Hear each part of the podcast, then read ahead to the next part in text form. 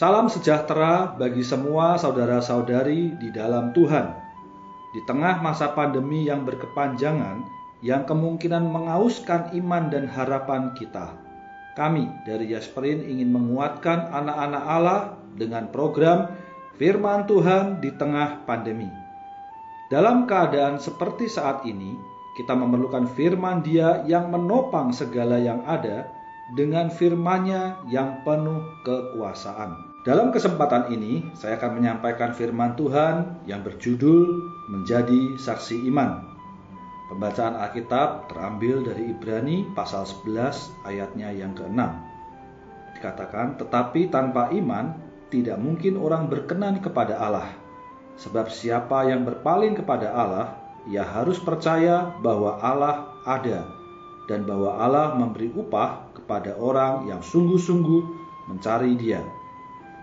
Dalam sepanjang hidup Kristen kita, mungkin kita sampai pada titik di mana kita menemukan diri kita sendiri sedang bergumul dengan pertanyaan-pertanyaan rohani. Saat di mana secara tak terduga kita sedang melewati sebuah lembah dan sulit untuk melihat terang Tuhan. Kita rindu ingin percaya Dia namun mengalami kesulitan untuk menerapkan firman Tuhan yang penuh pengharapan dengan apa yang kita lihat atau sedang terjadi di sekitar Anda.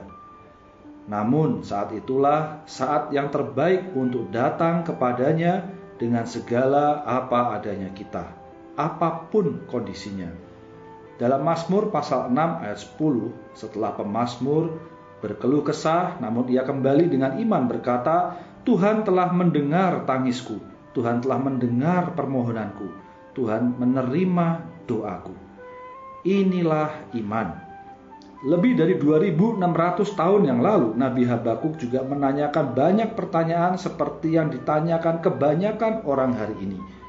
Dan dengan kasih karunia-Nya, Tuhan melepaskan beberapa penderitaan Habakuk, meskipun ada pertanyaan-pertanyaan lain yang dibiarkannya tidak terjawab. Namun di sisi lain dari keraguannya, Habakuk bertumbuh menjadi seorang dengan iman yang lebih kaya. Iman yang mungkin tidak akan bertumbuh sepenuhnya apabila dia tidak bergumul dengan keraguannya. Jadi, Ibrani 11 ini membicarakan tentang sejarah iman dan saksi-saksi iman. Saksi di sini berarti orang yang bersaksi, bukan kesaksiannya. Dalam bahasa Yunani, istilah saksi sama dengan istilah martir setiap saksi ada, ialah seorang yang martir, yakni orang yang berkorban jiwa karena kesaksian iman. Bagaimana dengan Anda? Semoga hari ini Tuhan meneguhkan kita serta mengubah segala keraguan dalam pergumulan hidup menjadi iman yang teguh karena kita adalah pribadi yang sungguh-sungguh mencari Dia. Demikianlah firman Tuhan. Kasih karunia Tuhan Yesus Kristus menyertai kita semua. Amin.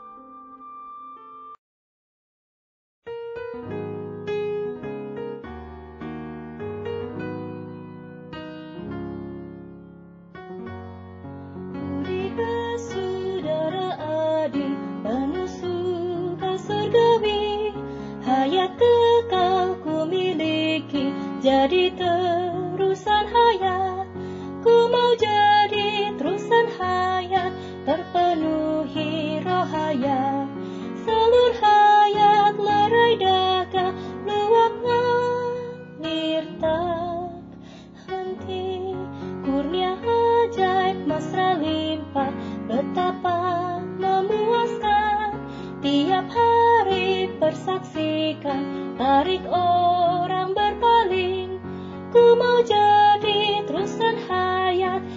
Terpenuhi roh hayat Salur hayat daga Luap tak henti Tuhan takdisku sempurna Jadi wadah mulia. Penuh hayat dan anugerah Bagi yang haus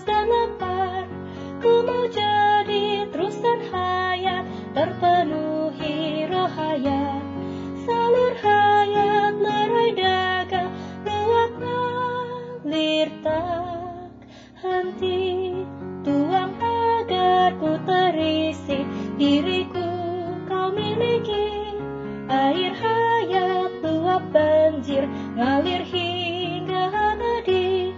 Ku mau jadi terusan hayat terpenuhi roh hayat. Salur hayat meradaga luap